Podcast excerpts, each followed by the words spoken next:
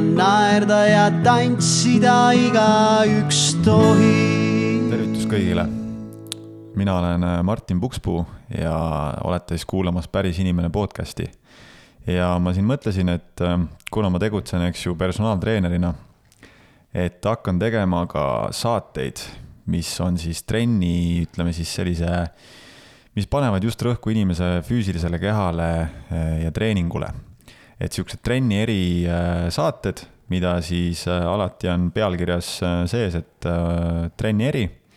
ja, ja kes siis kuulavad mind muude teemade pärast, et võite vabalt siis need saated vahele jätta, juhul kui ei kõneta. ja, ja selle järgi siis saate aru, et millised on siis trenni, trennisuunitlusega saated ja millised on tavalised saated. aga täna on mul siis külas siin Grete.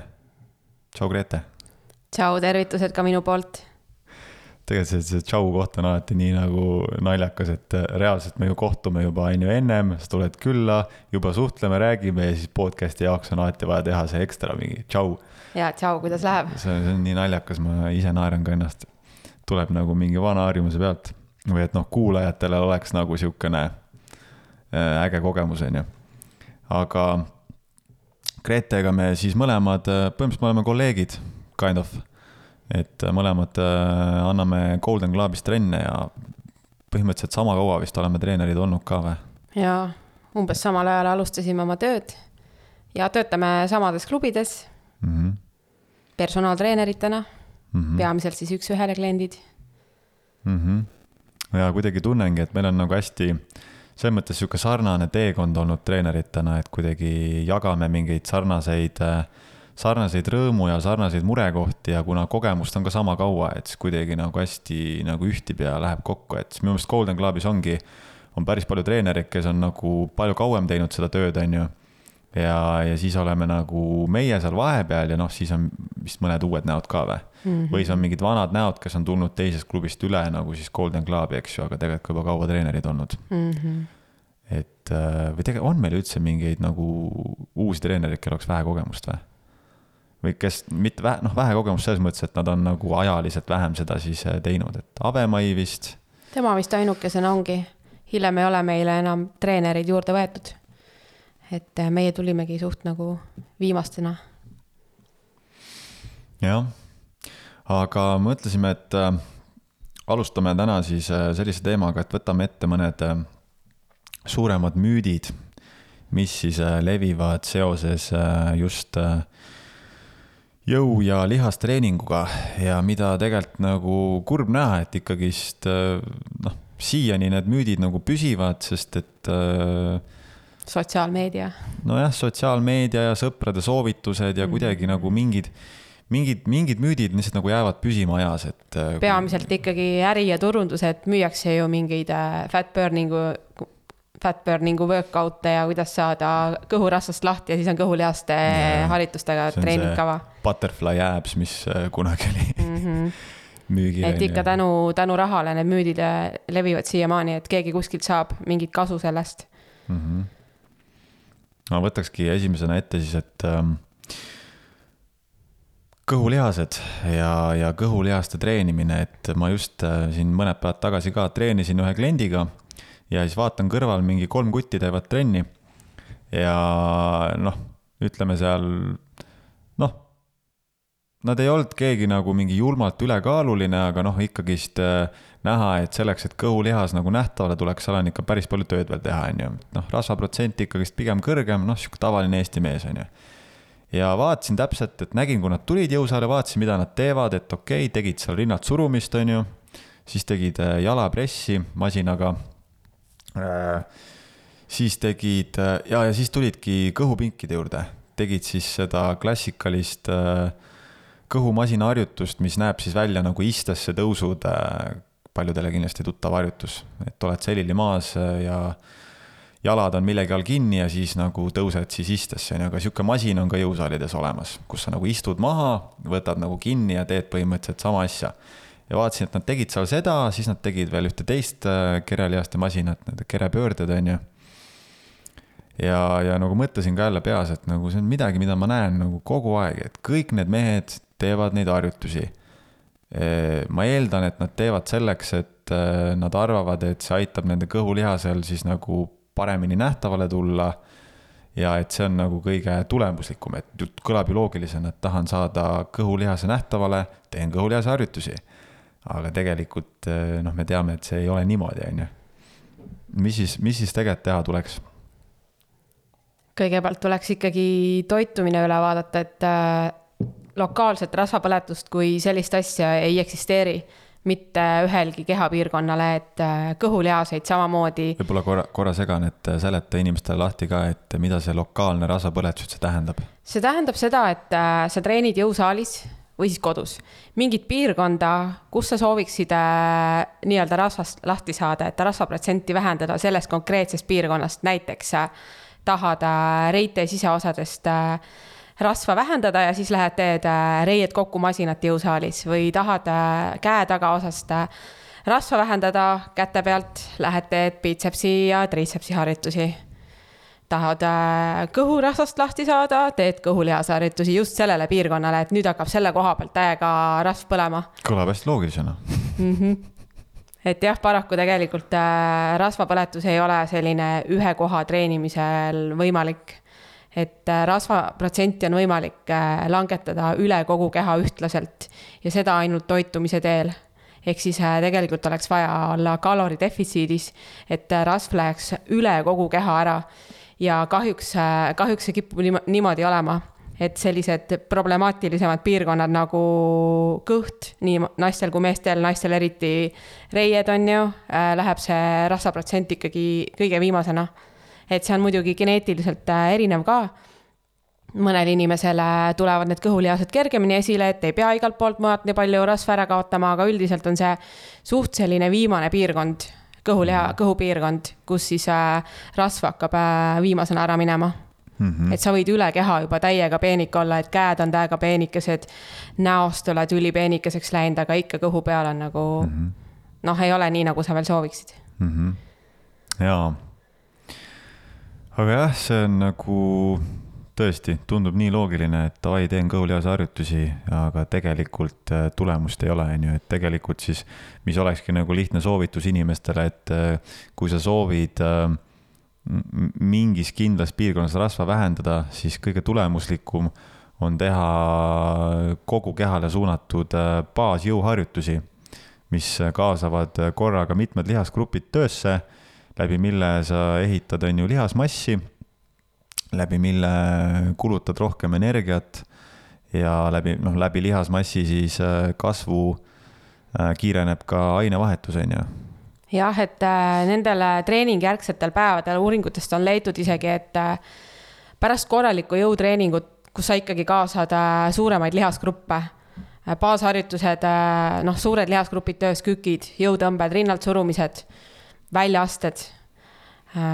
See seitsmekümne kahe tunni jooksul, äh, selle, selle aja jooksul siis äh, see kalorikulu on kehal suurem kui tavaliselt. et keha tegeleb enda parandamisega, enda varude uuendamisega. et glükogeenivarud uuendatakse, keha johtub maha, on ju, peale treeningut. rakke parandatakse, mida sa oled võib-olla treeningu jooksul kahjustanud, lihasrakke. et kogu see nii-öelda treeningjärgne kalorikulu ja rasvapõletus on on palju efektiivsem, kui treenitakse suuri lihasgruppe versus siis, äh, et sa teed äh, masinatel mingeid väga isoleeritud harjutusi, et äh, teedki ainult oma biitsepsit, triitsepsit, võib-olla mingit õla lendamist ja kõhulihaseid ja võib-olla reie esi-tagaosa masinat eri, eraldi, et need on küll suured lihased juba, aga siiski tõhusam oleks ikkagi kaasata ka baasharjutusi oma treeningkavasse. et seda nii-öelda post-exercise või siis treeningjärgset kalorikulu suurendada mm. -hmm mis siis äh, on tegelikult ka tulemuslikum, kui teha ka nii-öelda baasharjutusi. et äh, lihasmassi areng äh, võib olla palju efektiivsem isegi, kui kava mitmekülgsemaks teha, mhm. seega lihased ju ka omakorda põletavad rohkem kaloreid puhkeolekus. sest lihas, lihas ise püsimiseks ju vajab rohkem energiat ehk põletab rohkem, keha põletab rohkem kaloreid kui siis noh, rasvamass ei, ei vaja püsimiseks nii palju energiat, eks ju mm. -hmm samamoodi on ka niimoodi, et äh, lihastes ju salvestatakse meie süsivesikute varu.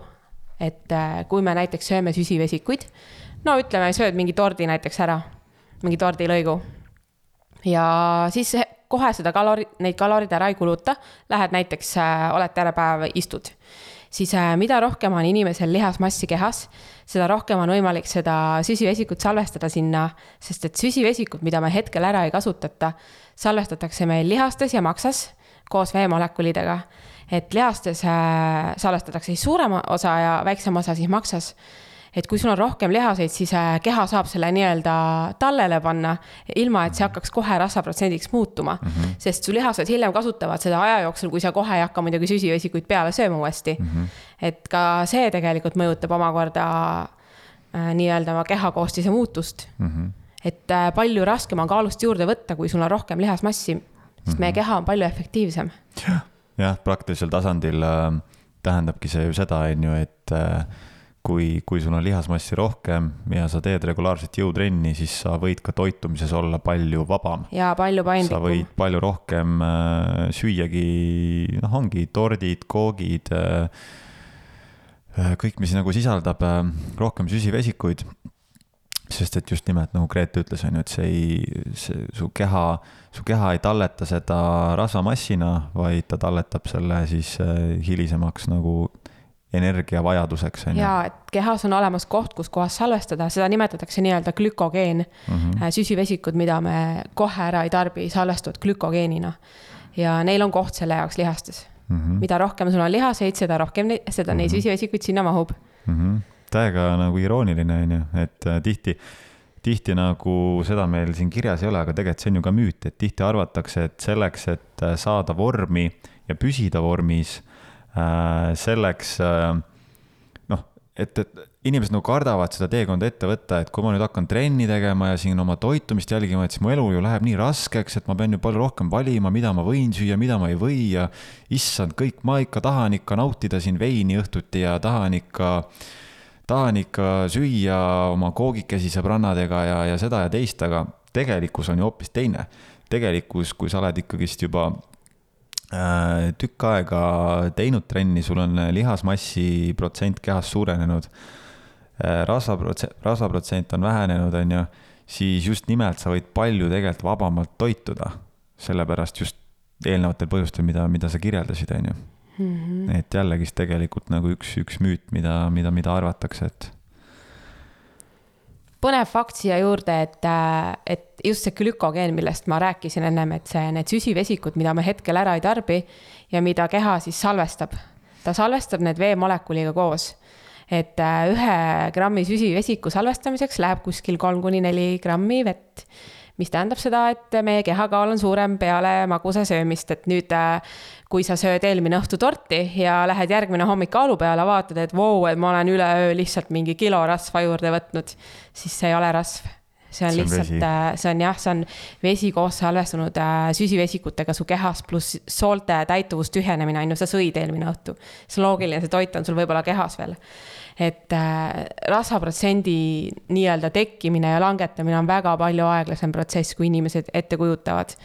et see ei lähe alla nädala ajaga, ei lähe lihtsalt äh, viis kuni seitse kilo kaalust alla rasvaprotsendi arvelt, kui keegi hakkab nüüd ekstreemset dieeti tegema, ennast näljutama, et vaatab, et oh, viis kilo võtsin kaalust alla nädal aega, jumala nice, kohe viis, viis viis protsenti rasva vähem, et see ei ole rasv, see on jällegist vesi, et see vee kõikumine nagu kehas mm -hmm. on see, mis, mis, mis on seotud nende kiirete muutustega just, et kiire kaalutõusuga üleöö, samamoodi see on pigem vesi ja kõik muu, aga see ei ole rasvaprotsent, et sul ei teki üleöö lihtsalt mingi kilo rasva juurde.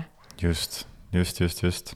jah, see on alati ka, ma nagu alati imestan või noh imestan sellepärast, et on teadmised, on ju, aga ma mõistan, et inimesed, kes ei tea, noh, sa ei, see tundub hästi loogiline, et näed, vaadatakse, et aa, siin kilo võtsin juurde, kilo võtsin alla, et noh, tegelikult see ei ole mingi juurde-alla võtmine, see ongi lihtsalt äh, vee, veesisalduse, veesisalduse kõikumine kehas, on ju. Jaa, aga see on hästi psühholoogiline ka, sest inimestel on tihti nagu raske näha seda numbrit seal kaalu peale, et tekivad kohe hullud süümekad, et issand jumal, nüüd ma pean minema jooksma, ma pean täiega trenni minema tegema, et ma võtsin rasva juurde. et see on hästi nagu selles mõttes keeruline teema, et äh, tihtipeale meil on isegi need teadmised olemas, et me saame ju aru, et okei okay,, et äh, see ei ole ju loogiline, et ma võtsin kilo rasva juurde, aga ikkagi nagu see enesetunne on niivõrd halb, kui sa näed mm -hmm. seda numbrit seal ees mm. -hmm. et lihtsalt äh, ongi ma arvan, nagu ajapikku võib-olla on võimalik sellist rahu endaga teha, kui sul need teadmised olemas on ja sa ise näed ka tegelikult, et, et elad samamoodi edasi nagu varem toitud normaalselt edasi ja näed, et midagi tegelikult ei juhtunudki.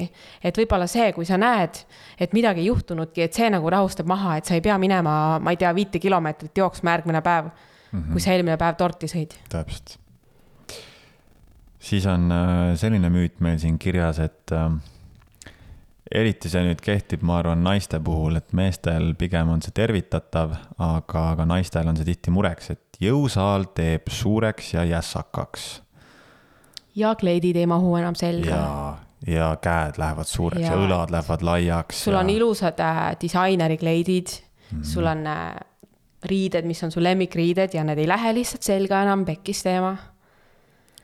kuidas sellega on, kuidas äh, minu, minu kogemuses äh, noh, siin on võib-olla jälle oluline see taust äh, lahti rääkida, aga mis, mis, mis nagu sinu kogemus näitab naisklientide treenimisel, et kas, äh, kas vastab tõele või, lähevad kohe suureks ja jässakaks või? ei lähe. selleks peab ikka aastaid tegema väga rasket trenni. et, äh, et sa läheksid väga suureks nagu kulturist. et põhiline ka, ka nagu selline äh, mõte ongi uutelt klientidelt, et ma tahaks vormi saada, ma tahaks heasse toonusesse saada, aga ma ei taha välja näha nagu kulturist, et äh, mul ei ole vaja suuri lihaseid. et siis äh, noh, lihaste areng on samamoodi hästi aeglane protsent, see on hästi, hästi aeglane protsess, protsess just. et äh, see võtab ikka aastaid järjepidevat tööd ja mitte ainult jõusaalis, aga ka jõusaali välistööd, et sul peavad kõik äh, muud elustiili elemendid väga paigas olema, et uni toitumine, taastumine, stressitase, mis su muus elus toimub. et kõik need asjad hakkavad rolli mängima, kui sa päriselt tahad äh, kulturisti keha omale saada. et tegemist on ikkagi spordiga ja sport on midagi muud kui äh, tavaline treening mm. -hmm. jah, et äh, mina näen ka ikkagi seda, et tegelikult need inimesed, kes mu juurde tulevad ja kellel siis ka nagu päriselt äh, ütleme siis lihase, lihaskasvu mõttes nagu suured muutused toimuvad, et mul ei olegi vist eriti veel selliseid kliente tegelikult ette tulnud. sest just sellel põhjusel, et ikkagist äh, üks asi on see, mida sa teed jõusaalis, on ju, aga teine asi on nüüd see võrrandi teine pool, mis sa just ütlesid, on ju, mis sa, mida sa teed jõusaalist väljas, ehk äh, kas sa toitud piisavas kogu, noh, kas sa annad oma kehale piisavat toitu, on ju, kas lihasel on üldse materjali millest ennast ehitada, kasvada, on ju. kas sa annad lihasele aega ja võimalust üldse kasvada ja taastuda, et kas sa magad piisavalt, on ju. kuidas sul on üldise stressitasemega elus, et ikkagist enamasti inimesed, kes käivad, nad on edukad inimesed, nad on väga tegusad inimesed, on ju. noh, edukad selles mõttes siis, et personaaltreening on ikkagist pigem sihuke luksusteenus, on ju, mingis mõttes või nagu eksklusiivne teenus, on ju, et ta ei ole odav teenus et siis ikkagist ja inimesed nagu, kes seda omale lubada saavad, üldiselt on ikkagist materiaalselt vähemasti nagu edukad. ja, ja, ja ka väga tegusad ja tihti neile, nendel ongi nagu see trennis käimise pool on võib-olla väga, väga tublisti, on ju käivad ilusti regulaarselt, aga, aga siis toitumise ja une pool, sellega on kehvasti, on ju, ja siis ongi see, et ajas, ajas nagu tulevad seal jõunäitajad paranevad, võib-olla seal natukene rasvaprotsent muutub, natukene tuleb lihasmassi juurde, mm, energiat rohkem, elujõudu rohkem, seal äh, libido on ju, paraneb, aga, aga, aga selles mõttes, kui nagu mõelda nüüd lihase kasvule, siis seda nagu suuresti ei ole, sest noh, just selle tõttu, et võrrandi teised osad ei, ei ole nagu korrektselt tehtud, on ju. ja see võib-olla ongi ka inimestele, kes seda kuulavad, et et nagu südamele panna, et äh, hästi aus endaga olla, et kui, kui sa soovid äh, oma keha muuta, siis äh, ei piisa sellest, et sa hakkad lihtsalt jõusaalis käima, et sa pead nagu enese vastu aus olema, et kas sa suudad ka päriselt äh, oma toitumist muuta, on ju, kas sa suudad ka päriselt äh, panna rõhku heale unele, tuua see oma elus prioriteediks.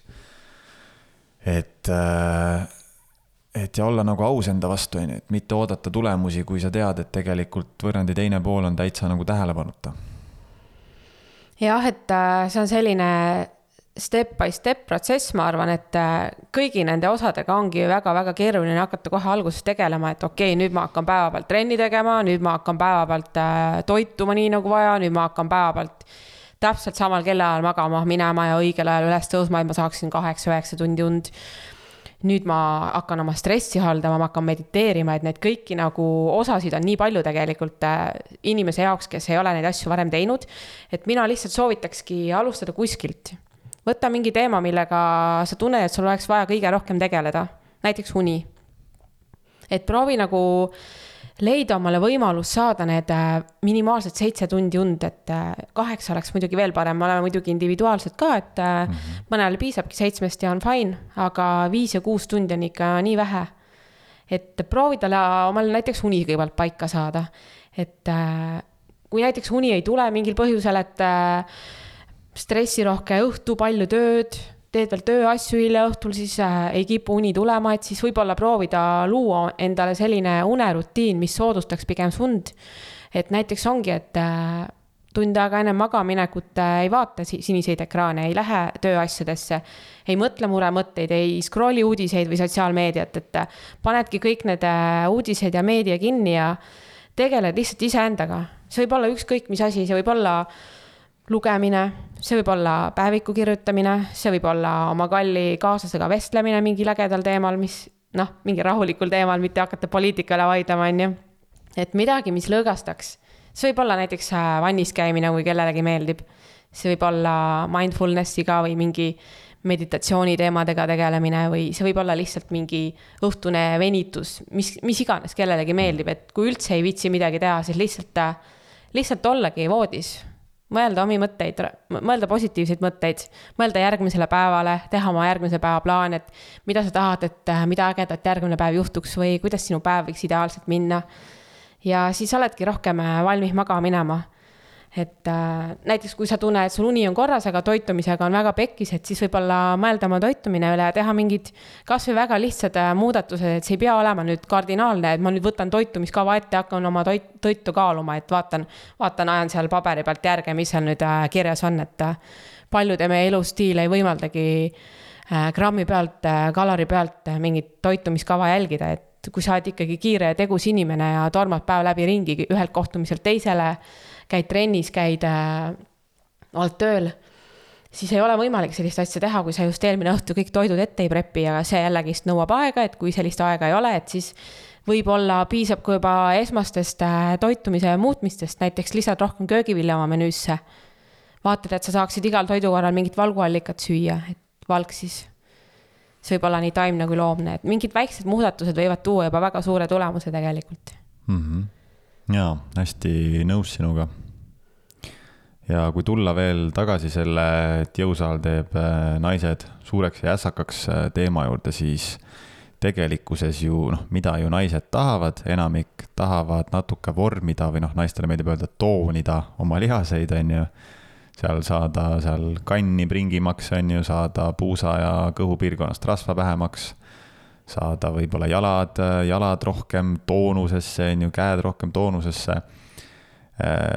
Aga tegelikult nüüd, kui minna siis äh, sinna, võtta see teema nagu lahti, et mida see päriselt siis tähendab, siis tegelikult ju toonimine ei tähenda muud kui lihase kasvu ja rasvaprotsendi vähenemist. see, see ongi tegelikult toonimine ja võib-olla see ongi jälle, äh, miks nagu sellest, miks see on nagu selline müüt siiani või kuidagi arvatakse, et ei, et ma pigem teen neid kummilindiga neid äh, jalaviibutusi ja, ja mingeid äh, hästi kergeid harjutusi, et siis ma saan toonida, et kui ma teen nüüd äh, kükki seal kangiga või teen mingeid raskemaid harjutusi, et siis ma ju, siis ma lähen suureks jässakaks, et et see ongi nagu jälle noh, see müüt tulebki sellest, et ei teata tegelikult, et toonimine ei tähenda mitte midagi muud kui. lihasmassi kasvu. kui lihasmassi kasvu ja rasvaprotsendi vähenemist. massi lisamist räigelt massi juurde. ja, ja, ja noh, tegelikult reaalsus ongi see, et, et lihase kasvatamine on, on pikk ja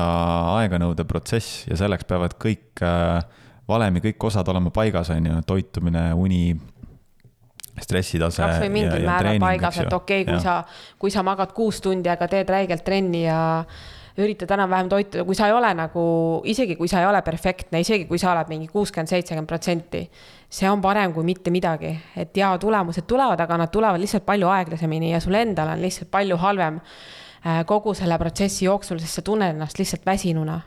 sa ei ole rahul sellega. Et miks mitte siis juba rahul olla ja kui sa juba oled selle otsuse vastu võtnud, siis äh, tee ära, tee töö ära.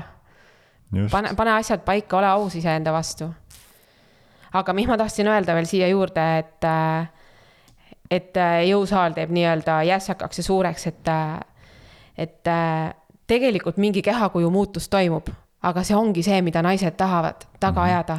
et keha muutubki rohkem selliseks liivakellakujuliseks, et sul läheb, mhm. piht läheb saledamaks.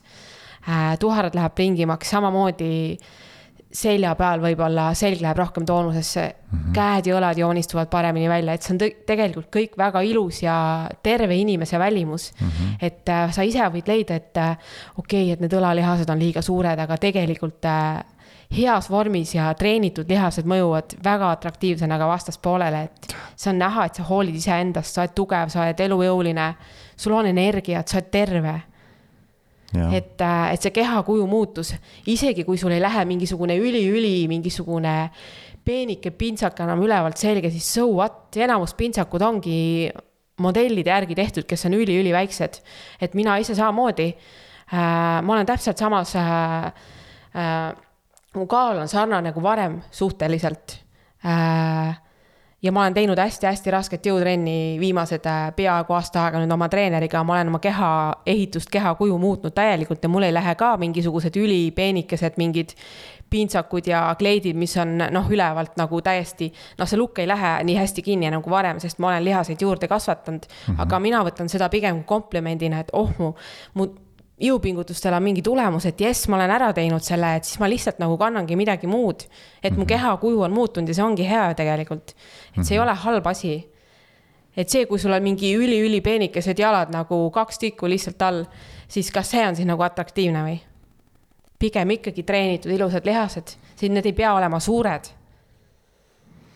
jah, mul oli mingi, mingi. et nagu näiteks mina tavalisest mingisugusest riietepoest omale Texasi hästi ei leia, sest see lõige ongi selline, et ülisirge, sul ei tohi olla tuharalihast. ülevalt on siis lai, et kui sul tuhara ümbert on paras, paras, siis ülevalt on lai, sest sul on peenike piht, on ju. et äh, peavad olema hästi stretch'id või siis peadki tellima kuskilt äh,. näiteks on selline koht olemas, nagu naistele ütlen, et äh, fit jeans mm.. see on üks äh, Texade bränd, mis teebki päriselt nagu fit inimestele Texasid ja need on nagu väga-väga ägedad ja ilusad mm.. et on mõeldud ka trenni inimestele, et me ei peagi olema nagu mingisugune nullsuurusega modellid. nojah, ega riideid ju ka ikkagist eh, enamasti toodetakse nagu võelda, võetakse sihuke keskmine nii-öelda, on ju, keskmisel inimesel ei ole treenitud tuharat, ei ole treenitud jalgu, on ju, selle põhjal ju riideid ka tehakse, on ju, et. ja et siis ongi, et äh, keskkoht on laiem, siis mm -hmm. kui äh, tuhar on ju ka selli-, selline nagu noh, suurem on ju, et kui su keskkoht on peenike ja tuhar on suurem, siis nagu mm. -hmm siis ei leia. kui sa just ei, ei leia tõesti mõnda head brändi, näiteks sealt äh, Denim Dreamist ma olen ka leidnud. et seal on ka rohkem nagu sellist custom'it, mis läheb rohkem kehasse. ja, ja mis ma tahtsin öelda selle suureks jässakaks minemise teemal, et äh, hea näide on ju, kui võtta näiteks bikiini fitnessi võistlejad, naised, et äh, kui sa vaatad neid äh, siis nii-öelda võistluse, ütleme hooajavälisel ajal, kus nende rasvaprotsent on äh, veidi kõrgem, äh, sihuke nagu normaalsuse piirides, kus nad ei ole kuivatanud oma keha lava jaoks, on ju, siis noh, ma arvan, et enamik naisi võiks vaadata, et no see ongi ju see, mida ma tahan, on ju. ilusad jalad, ilus trimmis tuhar mm,, ilusti, eks ju käed ilusti toonuses. käed, eks ju, ilusti toonuses. õlad välja. selg, siis ja, ja, ja kui küsida, et mis trenni need naised siis teevad, et kas nad siis teevad seal sihukest toniseerivat, toniseerivat kummilintiga trenni, ei tee, nad teevad jõusaalis raskeid harjutusi, nad teevad äh, kõiki neid baasharjutusi, nad teevad kükke, jõutõmbeid puusa, puusatõsteid, väljaasteid, teevad seal isegi lõuatõmbeid, on ju, kätekõverdusi, rinnad surumist, õla pealt, õla üle pea nagu pressi, on ju et, et selles mõttes jah, et, et, et see on nagu üks müüt, mille, mille võiks nagu hea ka jätta mm, -hmm. jätta sinna, kus ta käib, ehk müü, müütide hulka. ja, ja ma paneks ühe mõtte siia veel juurde, et äh, hästi palju on müük- äh,, müügil ja moes need igasugused äh, challenge'id praegu. ja need ongi peamiselt kummilintidega ja võib-olla see on ka üks põhjus, miks äh, tekib inimestele mulje, et kummilintidega treenides saab omale hea tuhara. sest et kodutingimustes sa ei saagi ju kangiga treenida, üldiselt need äh, kavad on tehtudki kodus kodus treenivale inimesele. et sa ei saa kodus teha kangiga trenni ja teine pool on see, et inimene, kes need kavad teeb, näiteks kui ta on treener, siis noh, ma arvan, et ei ole väga eetiline tehagi mingisugust kava, et sa paned äh, kavasse kirja davai, nüüd teeme viiekümne kiloga kükki, et kui see inimene isegi ei ole temaga kontakti saanud ja eh, ei tea, kas ta üldse oskab kükki teha, et ohutu on teha kummilindiga mingeid tuharaharjutusi mati peal maas, see on ohutu, seal ei saa väga suurt midagi juhtuda noh, võib-olla teed seal vale rühiga ja ei ole nii efektiivne, kui sa lihaseid õige koha peale pinguta ja ikkagi teed veits tehnikaga mööda, siis vähemalt sinuga ei juhtu midagi seal mati peal. Et äh, et sellepärast nad ongi tehtud võimalikult sellised ohutud ka, et, äh, et hästi ohutud harjutused, midagi ei juhtu. et saab müüa selliseid kavasid, aga nagu noh, müüakse ju tegelikult ka jõusaali kavasid, kus äh, ongi päriselt kangiharjutused sees. et inimene ei ole varem trenni teinud ja hakkab tegema neid kükke et seda ka nähtud, kui keegi jõusaalis teeb oma tehnikaga trenni ja. ja, aga mul tuli praegu üks äh, mõte tegelikult äh, eelmise teema kohta Nii. et äh, kõhulihased mm, -hmm. et peab tegema kõhulihaste harjutusi, et et tegelikult hästi palju kasu tulebki just baasharjutustest, kus sul on näiteks kangturjal, kükid kangturjal, väljaasted kangturjal äh, väljaastekõnd kangturjal, kõik äh, see kangi raskus läheb tegelikult läbi kerelihaste ja see raskuse, raskus koos gravitatsioonijõuga on väga palju suurem kui mati peal, sa suudad raskust äh, tekitada oma kõhulihastele oma keha raskusega lihtsalt mm. -hmm. et näiteks tegin seal oma treeneriga üks päev mingit trenni tegime kangturjale kastil astumisi ja mul oli päris raske kang, mul oli mingi neljakümne kilone kang ja siis ta ütles, et noh, ma olin niimoodi, et täiega ägisesin seal kangi all ja et äkki oli isegi viiekümne kilone, ma ei mäleta. ägisin ja täiega raske on, on ju, et äh, ja siis ta ütles, et ta paneb äh, vahepeal äh, nagu oma klientidele kavasi, kavasse või programmi seda harjutust, kui neil on vaja ennem lavale minekut kõhulihased välja saada. sest tõesti nagu see kastile astumine koos kangturjal, noh, kõhulihased teevad räigelt tööd, et esiteks stabiliseerida ja tasakaalu hoida ja lihtsalt see, see kogu see kangi raskus koos gravitatsioonijõuga, mis läbi su keha läheb, et samamoodi väljaste kõnd kangturjal, kangturjal kükk, et Mm -hmm. ma ei ole ise nagu viimase aasta jooksul eriti kõhulihaseid teinud, sest et nagu reaalsed trennid on nii rasked oma treeneriga ja enda trennid on ka nii rasked, et ma olen täiesti out'is, kui mul lõpuks oma trenn läbi saab. aga reaalselt mul on kõhulihased tekkinud mm. -hmm. ja varem ma tegin kõhulihaseid iga jumala trenni lõpp, ma tegin istesse tõuse, ma tegin jalgade tõsteid, ma tegin mingit jalgratast seal mati peal. Russian twist'e ja kõiki neid mm -hmm. klassikalisi kõhuharjutusi ja no ei olnud kõhulihaseid. ja mm -hmm. nüüd ma ei ole neid üliammu enam teinud ja ma teengi kangiharjutused enamus mingid väljaasted on meil ainult kangturjal, ei ole mingite hantlitega, vahepeal harva teeme väljaaste kõndehantlitega. aga see on pigem nagu harvem, et enamus on ikkagi kangturjal. ja see mõjub ülihästi kõhulihastele. samamoodi kätekõverdused, rinnalt surumised, seljatõmbed, jõutõmbed. Kõik ja. läheb läbi kerelihast ja see raskus, noh, kokku see raskus on väga palju suurem kui su keha raskus mati peal. jah, see, see on ülimalt loogiline tegelikult. sest et ja just nagu sa rääkisid, see kui, kui kerelihased ei teeks tööd, siis äh, lihtsalt äh, su ülakeha vajuks jalgadega kokku, onju. jah, et tegelikult, kui me räägime raskest kükist, et äh, raske kükk, ma ei tea, et lähed teed oma rekordi seal, siis äh, ja üldse raskemate kükkide puhul äh, esimene, mis hakkab äh, läbi andma, võibki olla hoopis kõhulihased mm, -hmm. mitte jalalihased. jala, jalgadega nagu jõudu on, on, on, aga sa vajud kerega ette lihtsalt, sest sa ei jõua hoida oma keha üleval mm -hmm. gravitatsioonile ja kangile vastu samamoodi kätekõverduste puhul. vaata, et nagu muidu see õlgade vöönd liigub päris hästi, aga kõhust täiega läbi vajunud, lihtsalt ei jaksa hoida. nii et jah, selles mõttes mina, mina ka alati, ütleme, kliendid, kes mul käivad, enamike klientidega ma teen väga vähe või ei tee üldse ekstra äh, kõhulihaste harjutusi. just nimelt sel samal põhjusel, et ma tean, et kõik need baasharjutused tegelikult treenivad ta kere keskosa ideaalselt ja selleks lihtsalt pole tarvidust. nüüd otse loomulikult, kui me räägime inimestest, kulturistidest näiteks, kelle eesmärk on minna lavale. Äh, või me räägime inimestest, kellel on, ma ei tea, spordiala spetsiifiliselt vaja ekstra äh, kõhulihaste jõudu, on ju, siis äh, see on nüüd nagu teine asi selles mõttes, et ega kõhulihas on ka lihas nagu iga teine, teda saab kasvatada. Ja kui sa ei ole teinud kunagi trenni, siis tõenäoliselt see kõhulihas seal rasvakihi all on ka väga, väga väike, on ju, ja otse loomulikult äh, mida, mida paremini treenitud on kõhulihased, äh, just siis äh, nii-öelda kuuspakk, on ju, mis meil silmaga nähtavad on, ja, ja need kõhupõikilihased, siis siis seda, seda, seda suurem võib su rasvaprotsent olla selleks, et need kõhulihased tuleksid nähtavale, on ju. et selles mõttes see on nagu teine, teine tera, on ju, et siis on muidugi mõistlik teha ka ekstra isoleeritud kujul äh, kõhulihase harjutusi juurde, aga tavaliste inimeste puhul, kes käivad trennis, noh, üldiselt ma näen ka, et nagu kõik inimesed, kes käivad, trenni lõpp on mingi viis-kuus, mõni teeb, mõni teebki mingi kuus kõhulihase harjutust nagu trenni lõppu. kuus erinevat kõhulihase harjutust näiteks ja noh, ma alati vaatan, mõtlen endamisi, et kas läheks juurde nagu küsiks, et miks sa teed seda või kas sa tead, miks sa teed seda. aga noh, enamasti ikkagist ei, ei lähe, sest et kui inimene ei ole küsinud abi ja kui ta näeb, et ta justkui nagu teab, mis ta teeb, siis ma ei lähe, ma ei lähe nagu torkima, sellepärast et noh, las ta teeb, on ju.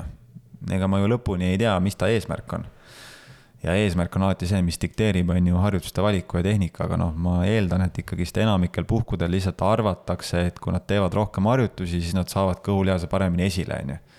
mis tegelikkuses on ju, ei ole niimoodi.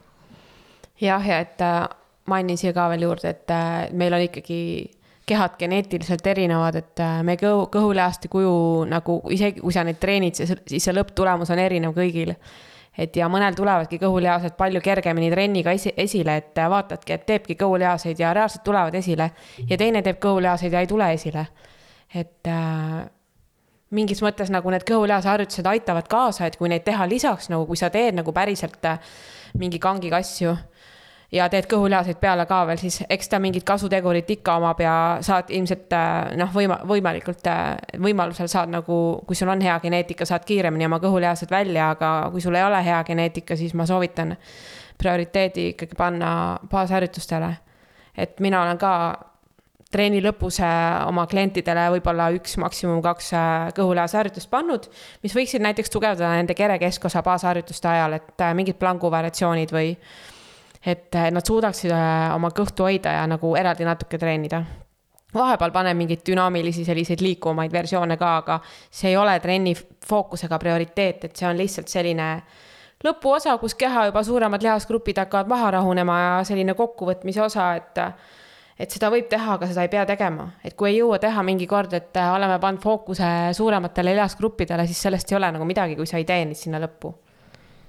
täpselt jah, ja nagu noh, mina näiteks olengi lähtunud klientidega sellest, et kui, kui ma näen, et kükkides, jõutõmmetes, mingites teistes baasharjutustes ma näen, et kerelihased on see nõrk lüli, siis muidugi ma panen ta kavasse sisse ka lisakõhulihase harjutused, aga kui ma näen, et kerelihased ei ole nõrk lüli, siis enamasti ma ei, ma ei näe ka mõtet neid nagu ekstra juurde lisada. palju tulemuslikum teha teisi baasharjutusi, eks ju mm. -hmm. ja, aga siis on, on sul veel midagi müütide, müütide koha pealt või oli sul kirjas endal mõni, mõni müüt? ma korra mõtlen.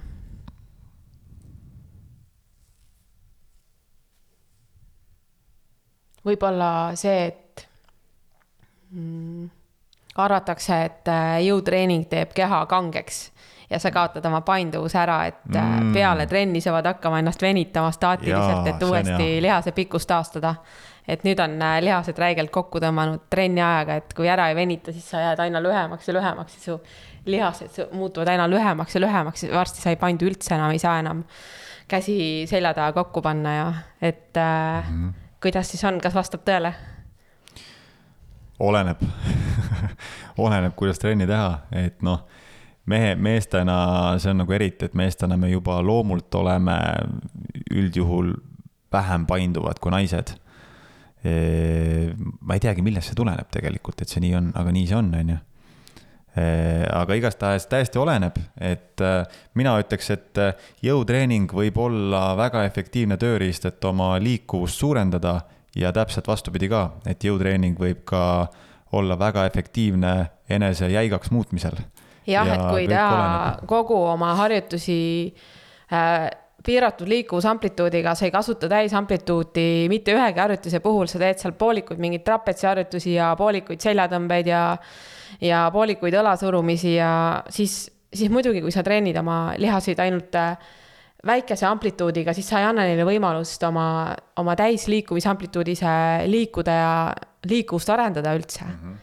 Et liikuvus areneb ikkagi täisamplituudiga harjutuste puhul, et ma ise arvaks, et näiteks äh, ma ei tea, täisamplituudiga õigesti tehtud õlasurumised, kätekõverdusid, kätekõverdused pigem arendavad õlaliikuvust ja teevad seda paremaks. samamoodi, ma ei tea, jõutõmbed kangiga, Rumeenia jõutõmbed, ülihea tagareie liikuvusharjutus, et su tagareis liigub paremini, puhkeolekus lihas ju taastub ja läheb elastemaks. Kõik see vereringi ainevahetus läheb peale trenni lihases palju paremini tööle. lihasel on võimalik lõõgastuda peale trenni ja minna hoopis elastsemaks. aga siis, kui sa oled treeninud äh, efektiivse liikumisamplituudiga. jah, täpselt.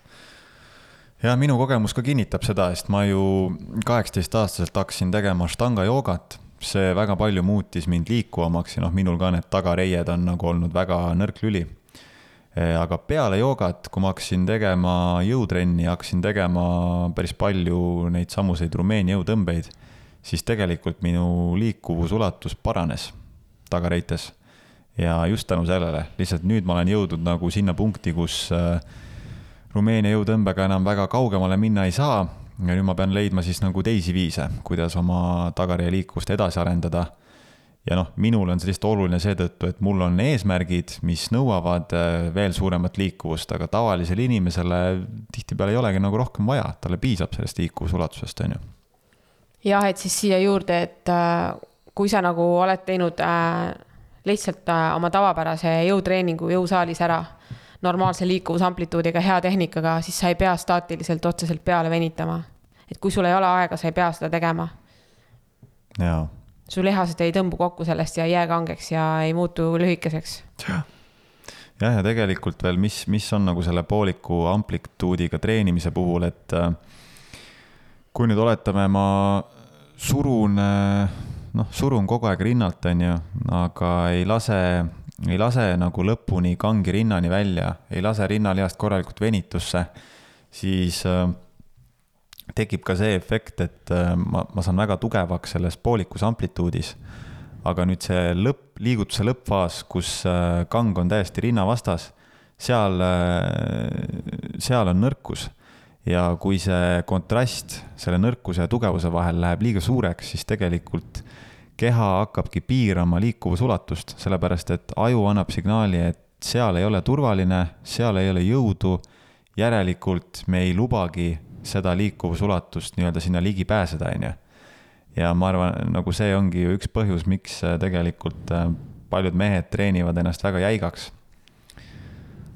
et lihtsalt ähm, aju ei lase, ei lase enam kasutada seda, seda, seda nagu ulatust mulle tundub, et, äh, et see on nagu õla surumise puhul on äh, täpselt sama, et äh, väga palju näeb jõusaalis, et tehakse pooliku amplituudiga õla surumisi, et tule, ei tule vaata, et üheksakümne kraadini väljagi õlgadeni. et alumises faasis, et siis äh, et tegelikult ma arvan, et see soodustab ka vigastuste riski, sest kui sa oled harjunud treenima ainult ühes nii-öelda selles äh, liikuvusamplituudis, äh, lühemas liikuvusamplituudis, siis su liigessidemed ja liigesed ja kõik su nagu tehnika ja su noh, neuroloogilisel tasandil kaasa oled õppinud äh, liikuma ainult mingi, mingis kindlas nii-öelda läbimõõduga alas. et kui sa nüüd lased allapoole, siis, siis su keha ei ole selleks valmis ja ja teed seda veel suure raskusega, oled arenenud kuskil, ma ei tea, neljakümne, viiekümne kiloni jalasurumises, mm. nüüd järsku ups läheb allapoole, siis nagu su keha ei ole valmis selleks ja vigastuste risk on väga palju suurem mm. -hmm. see on julm, ma hiljuti nägin, nägin ühte, ühte videot, kus äh, ühel kulturistil siis äh, rinnalihase kõõlus, mis kinnitub õlavarre külge, lihtsalt nagu plõks nagu põhimõtteliselt rebenes küljest, on ju. väga nagu õõvastav vaatepilt. ja, ja noh, ma ei saa ma ei saa nüüd öelda, et näe, et see on sellepärast, et tema ei kasutanud täit liikumisulatust. aga, aga sellised asjad saavadki juhtuda täpselt siis, kui inimene treenib juba kaua väga suurte raskustega, aga tegelikult ei kasuta täit liikumisulatust, on ju. mis tähendabki seda, et jällegi see vahe äh, tugevuse ja nõrkuse vahel liigutuse eri, eri nagu faasides läheb nii tugevaks ja kui ta nüüd seal üritab mingit rekordit suruda rinnalt, on ju, ja siis nagu raskus on liiga raske ja ops, kang tuleb liiga madalale, kus ta ei ole tugev, on ju, siis see ongi ju see noh potentsiaal seal selleks äh, vigastuseks ongi nii palju suurem mm. -hmm. Aga jah, kui ma mõtlen nagu enda puhul ka, et noh, kui ma kasvõi teen, teen näiteks äh, neid lõuatõmbeid, siis ma lasen ennast alati alla välja, lasen korralikult küünarnukis sirgeks. tunnen, et tegelikult iga, iga kordusega ma venitan ka venitan oma, noh, venitangi õlaliigesest nii-öelda, nii naljakas, ma hakkan kohe siin laua taga näitama ka et keegi ei näe, onju.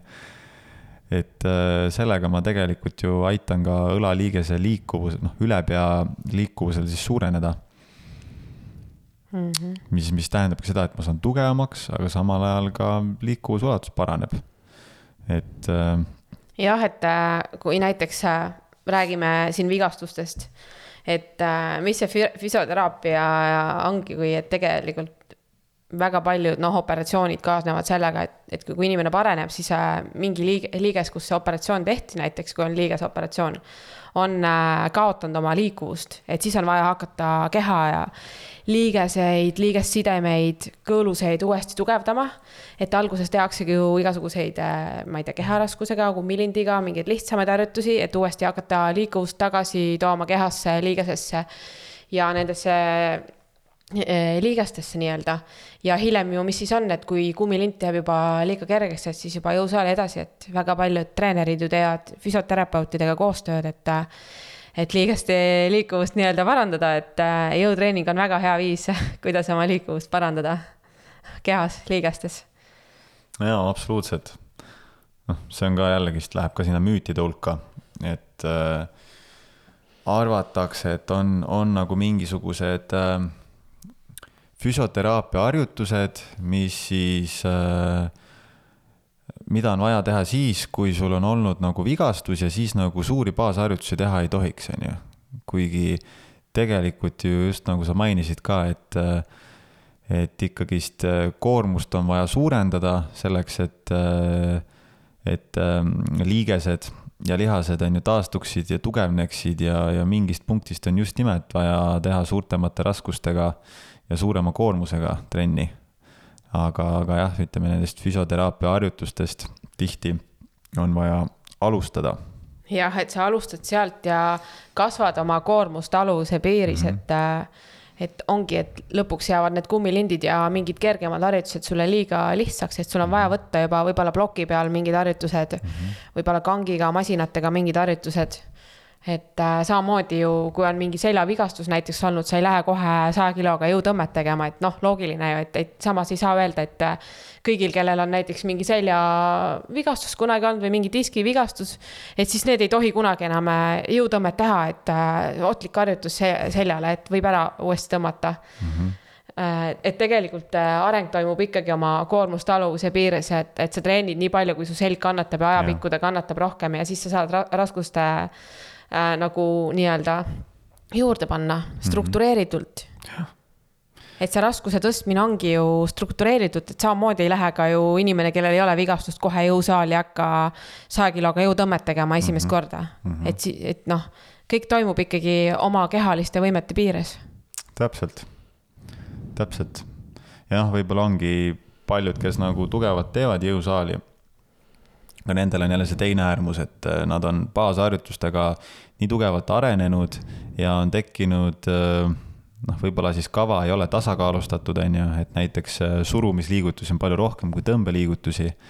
ja, ja sellest lähtuvalt siis tekkida tasakaalutused äh, lihaste vahel ja, ja siis on nagu jälle see, kus tulevad appi needsamad füsioteraapia harjutused nii-öelda, kus äh, tegeledki seal väiksemate ja stabiliseerivamate lihastega selleks, et siis esialgu adresseerida seda nõrkust, on ju, ja, ja hiljem siis jälle tuua sinna juurde baasharjutused aga, aga jah, tegelikult need ju käivad kokku, nii, nii, nii siuksed lihtsamad äh, harjutused, mida tihti füsioterapeudid ette annavad ja siis samas ka suured äh, baasharjutused mm. -hmm. et see on nagu umbes Praegu sama. tuli üks, jumala sorry, ma segan vahele, üks random mõte, et nagu ma ei ole selle peale üldse mõelnud, et võib-olla meie kuulaja isegi ei tea, mida tähendab baasharjutus. et seletame ära, mida räägime terve saade siin baasharjutustest, et äh, baasharjutused on siis äh, kükk, jõutõmme, lamade rinnalt surumised äh,, kätekõverdused näiteks, lauatõmbed selja äh,, puusad, puusatõste. just, et äh, kõik, mis on sellised suuremad läbi mitme liigese liigutused, on baasharjutused. Jah isoleeritud on siis äh, nii-öelda, kus me treenime lihasgruppi erinevalt, tihti Jah. tehakse seda näiteks masina peal, aga võib teha ka näiteks hantlitega, mingit õla lendamist näiteks. Samas õla surumine on baasharjutus, et see on läbi mitmeliiges, et õlaliiges ja siis äh, see kü- küünarliiges. no eks neid termi- eks neid termineid võib päris palju siin ette tulla, mis on inimestele nagu võõrad, et äh, aga noh, eks siis saavadki nagu tagasisidet anda meile ja saame jälle nagu lähemalt ja lihtsamalt rääkida, et see võib-olla ongi, ise oleme nii sees selles teemas, et natuke raske on nagu äh, viia end sinna, et äh, oota, et kuidas nad kõik aru saaksid, et jah. Ja, aga sul jäi mõte aga jah, mul jäi, see mõte pooleli, et see on nagu umbes sama, et äh, kui, kui me võtame auto, siis ütleme mootor, automootor sümboliseerib siis meie keha suuri lihaseid, mingi rinnalihas, tuharjalihas, reie, nelipealihas, on ju. kõik suured lihased, mis nagu teevad suure töö ära, on ju. aga kui nüüd võtta kõik see vedrustus, siis vedrustus on äh, siis nagu kõik need väiksed stabiliseerivad lihased, mis äh, mis saavad tööd suurte, suurte baasharjutustega, aga mis tihti nagu aja jooksul võivad, võivad hakata tekkima siis erinevad düsbalanssid, on ju, kus on neid vaja siis nagu eraldi adresseerida. et vastasel juhul lihtsalt see suur mootor võib autol peal olla, aga kui, kui need ähm, vedrustus on ju, ei ole vastav sellele mootorile, siis äh, noh, lihtsalt sa sõidad, sõidad pilbasteks selle auto, on ju. et, et see ülekanne ei ei ole piisavalt tugev, et äh, ratasteni see, see koormus nagu välja kanda, et sama asi on kehaga, et kui teha aastaid nagu tugevalt baasharjutusi, aga samal ajal stabiliseerivatele lihastele ei, ei pööra tähelepanu, siis võib tekkida sama efekt, et tulevad vigastused, tulevad probleemid, tekivad platood, jõud ei arene edasi. jah, et mis ma tahtsingi siia platoost juurde mainida, et äh, ja üldse nagu haakub selle teemaga hästi, et äh, mul, minu juurde on jõudnud ka päris palju kliente, eriti meeskliente, et äh, kes on hakanud kuskilt mingit kava jälgima, ostavad mingi, mingi kava internetist ja tõstavad kogu aeg raskust, tõstavad raskust, tõstavad raskust, on juba kaks-kolm kuud treeninud, siis tuleb platoo ette. alustasid jalapressiga mõlemal pool, äh, võib-olla üks ketas, on ju, siis on äh, mõlemal pool juba mõne kuu pärast seal neli-viis ketast ja no ei tule enam, lihasmass ka ei arene. ja ma ei tea, jalad, jalad, põlled valutavad õhtuti, et noh äh, peab ikkagi teadlik olema sellest, mis sa teed, et nagu selles mõttes äh, see jõutreening ei ole nii lihtne, kui see tundub, et äh, nagu siuksed asjad, et äh, meie lihasmass areneb väga palju aeglasemini, kui, kui kiiresti muutuvad tugevamaks meie liigesed ja kõõlused ja liigessidemed on ju, et sa tahtsid vastupidi vist öelda, et lihasmass, Aa, lihasmass areneb areneb kiiremini, kiiremini, jah, kui kiiremini, liigesed et- ja et kõõlused. äh, sa arendad kiiresti massi peale omale, arenda-, jõud, jõunäitajad arenevad, aga meie liigesed ei ole veel järgi tulnud sellega, meie kõõlused ei ole järgi tulnud. ja see ongi see koht, et äh, platoo tuleb esiteks ette, et, äh, et keha ei ole tasakaalus. ja ka vigastuste oht on palju suurem, äh, kui, kui meie liigesed ei kannata välja seda raskust, et kõik need õla, õla esiosa vigastused, et väga palju on jõusaalis ikkagi neid jõusaali hunte, kellel no on mingisugune õlavigastus, jälle mingi õlavigastus, et noh. Jällegist ei ole ar- arvestatud kõiki, kõiki neid muutujaid sealjuures, mitte ainult lihasmass ja number kangi peal. aga et kuidas meie keha selle nagu välja kannatab, kuidas meie liigesed selle välja kannatavad. mis meie väiksemad lihased teevad samal ajal. et nagu see on üks hästi suur süsteem kõik kokku, mitte ainult need suured lihased, mitte ainult rinnalihas, mida me treenime mm. -hmm. aga samamoodi need stabiliseerivad lihased, äh, liigesed et äh, põhimõtteliselt äh, raskuse tõstmine kava järgi ei ole ainukene progresseerumisviis ja esialgu ma ei soovitagi seda ainukese progresseerimismeetodina, et see, kuidas äh, jõusaalis areneda, raskuse tõstmine on ainult üks metoodika väga paljudest. seal on juures veel ma ei tea, intensiivsus, samamoodi harjutuste kombineerimine, milliseid harjutusi sa omavahel kombineerid, kui pikad on su puhkepausid. palju kordusi. palju korduseid, palju seeriaid seal on väga palju neid erinevaid äh, muutujaid kokku, mitte ainult raskus, tempo täpselt samamoodi. puhkepausid on ju. no ja siis on igasugused äh, siuksed võib-olla raskemini mõõdetavad kvaliteedid, aga nagu tunnetuslikud kvaliteedid, et kui hästi ma suudan tunnetada oma lihasgruppe tehes mingit harjutust. kas ma suudan panna rõhu näiteks kükki tehes rohkem tuharale, kas ma suudan panna rõhu kükki tehes rohkem reie neli peale, on ju. kas ma suudan äh, saada kätte lihastunnetuse enda õla tagaosast või mul domineerib näiteks äh, ülejäänud seljalihased, on ju. et kõik nagu sellised äh, kohad ka, mis tegelikult on määrava tähtsusega pikas perspektiivis. jah, et küki puhul sõltub see muidugi väga palju tehnikast ka, et millist kükki me teeme, ka me lähme rohkem põlvedest ette või me lähme rohkem puusast taga, on ju, et taha, et kus see, kus see rõhk nii-öelda on, et äh, meil on erinevad äh, jällegist erinevad kehad, erinevad luudepikkused, erinevad liigese ühenduskohad, et äh, mõnel ongi kükk näebki loomulikult välja selline, et ta on rohkem puusast taga, põlved liiguvad natuke vähem ette. mõnel liiguvad natuke rohkem põlved ette ja keha on rohkem püsti, on ju, et -hmm. et äh, sellest sõltub ka natukene, et milliseid lihaseid me küki ajal äh, treenime, et see ei ole ka tegelikult nii mustvalge, et et nüüd küki ajal kõikidel on kükk täpselt ühesugune ja täpselt ühesuguse amplituudiga ja täpselt ühtemoodi külje pealt näeb välja, et see ikkagi sõltub meie keha ehitusest ja ja struktuurist. aga mis ma veel juurde tahtsin öelda mm.? ma ütlen siia vahele vahepeal, kui sa mõtled, et sellepärast ongi vaja personaaltreenerit, et äh, tegelikult on nii palju tegureid, mis on palju mis vajavad nagu seda, et keegi oskaks, oskaks sind juhendada, oskaks sulle näidata, näed, sinu puhul kükki on vaja teha hoopis selliselt, mitte nii, nagu võib-olla teised teevad või näed, sinu puhul see harjutus üldse ei ole hea valik, valiks hoopis alternatiivina hoopis selle harjutuse, sest et äh, sinu just luukangide pikkused on erinevad, on ju, anatoomia on erinev, et äh, jah. Mm, -hmm. tulge trenni. Ja tulge, siis, äh, siis tulevad tulemused ka päriselt ka?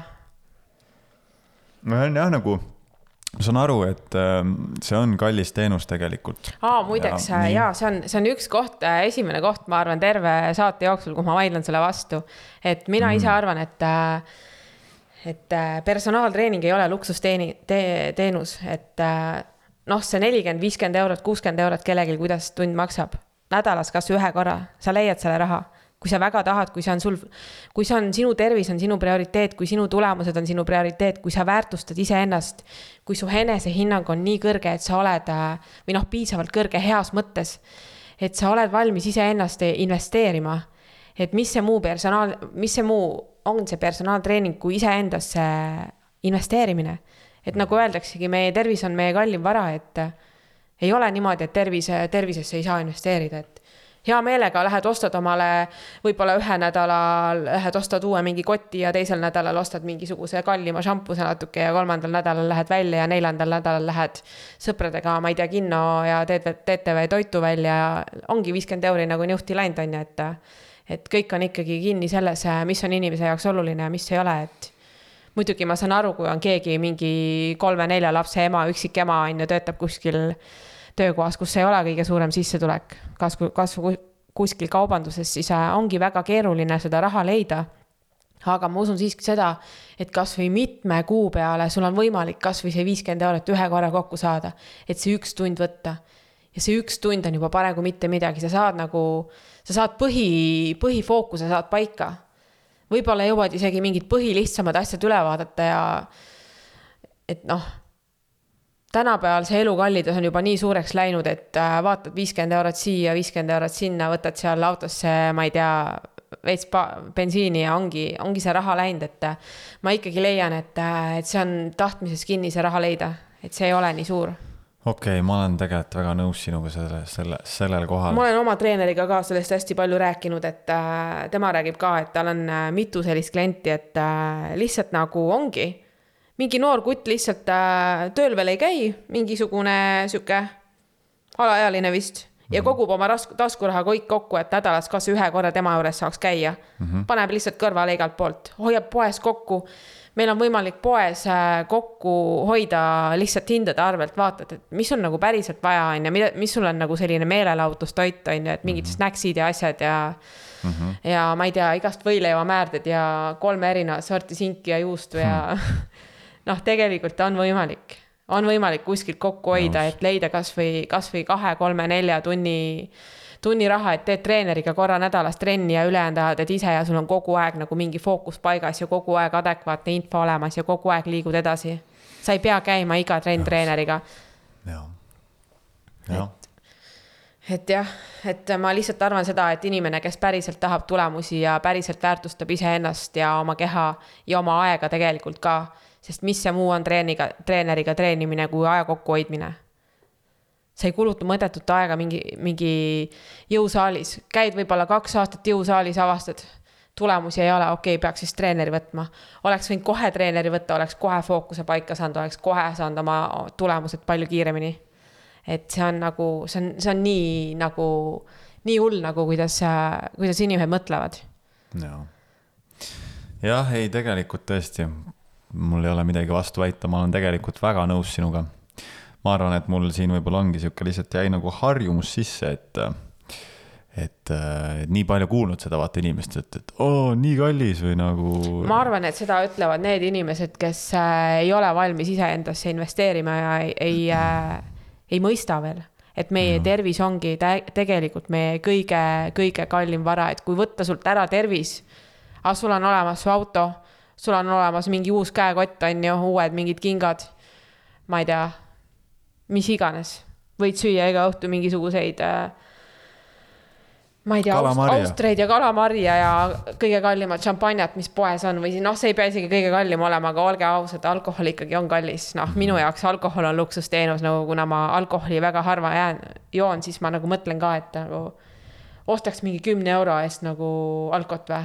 No way, mul on selle rahaga midagi targematki teha, kui alkoholi osta, et nagu reaalselt nagu mm. -hmm oled iseennast ja enda aega hakanud nii palju väärtustama, et äh, aeg on ikkagi raha ja et ma ei kuluta oma töö, töötatud, äh, oma eluajast töötatud aega mingi mõttetuse peale, mis mulle kasutegurit ei loo, et kõik, et ma ise ka olen äh, raha koha pealt selles mõttes hästi nagu läbi mõtli-, mõelnud kõik asjad, et kui mul ei lähegi seda vaja, ma panen selle raha kõrvale, mhm. investeerin iseendasse, praegu ma näiteks investeeringi oma treenerisse. et ma maksan ju ka ise selle eest ja ma ise ju saan aru, et mina käin ka treeneriga ja minu treeneri tunnitasu on ka viiskümmend eurot tunnis mm. -hmm. ja ma ei näe seda kui jõhkrat mingit kaotust, on ju, et kui ma löön kõik need summad kokku, mis ma olen talle siin aasta aja peale maksnud, et võid küll mõtle, et äh, oleks võinud kuskil puhkusereisil ära käia, aga nagu see on parim asi, mis ma elus teinud olen reaalselt. parim asi kvaliteetaed üli, ülilaheda inimesega.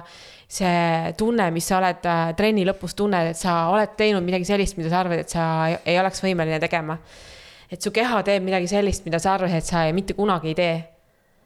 Et äh, kui sul on mingi, kellele meeldib numbrit taga ajada kangi peal, et äh, näed esimest korda, et voo, mul tuli päriselt mingi kaheksakümne või saja kiloga kangtuurel kükk ära, et see on sihuke õnnetunne nagu, et või kellele meeldib oma kehaehituse muutust näha, et sa päriselt näed, et sul keha on teistsugune, sa saad komplimente, sa näed, et sa oled muutunud. et äh, see töö tasub ära ja üldse kõige suurem minu arust äh,, minu arust see tunne ongi, et sa pead lubadust iseendale ja sa teed ära asjad, mis sa oled iseendale lubanud. et see on nii oluline, et kui sa lubad, et, et sa lähed, teed ära selle hea vormi, siis sa lähedki, teed selle ära. jah, see, mul just oli siin ma ei mäleta, kas ma rääkisin Maarja-Liisiga sellest, kes mul saates käis või, või rääkisin kellegi teisega.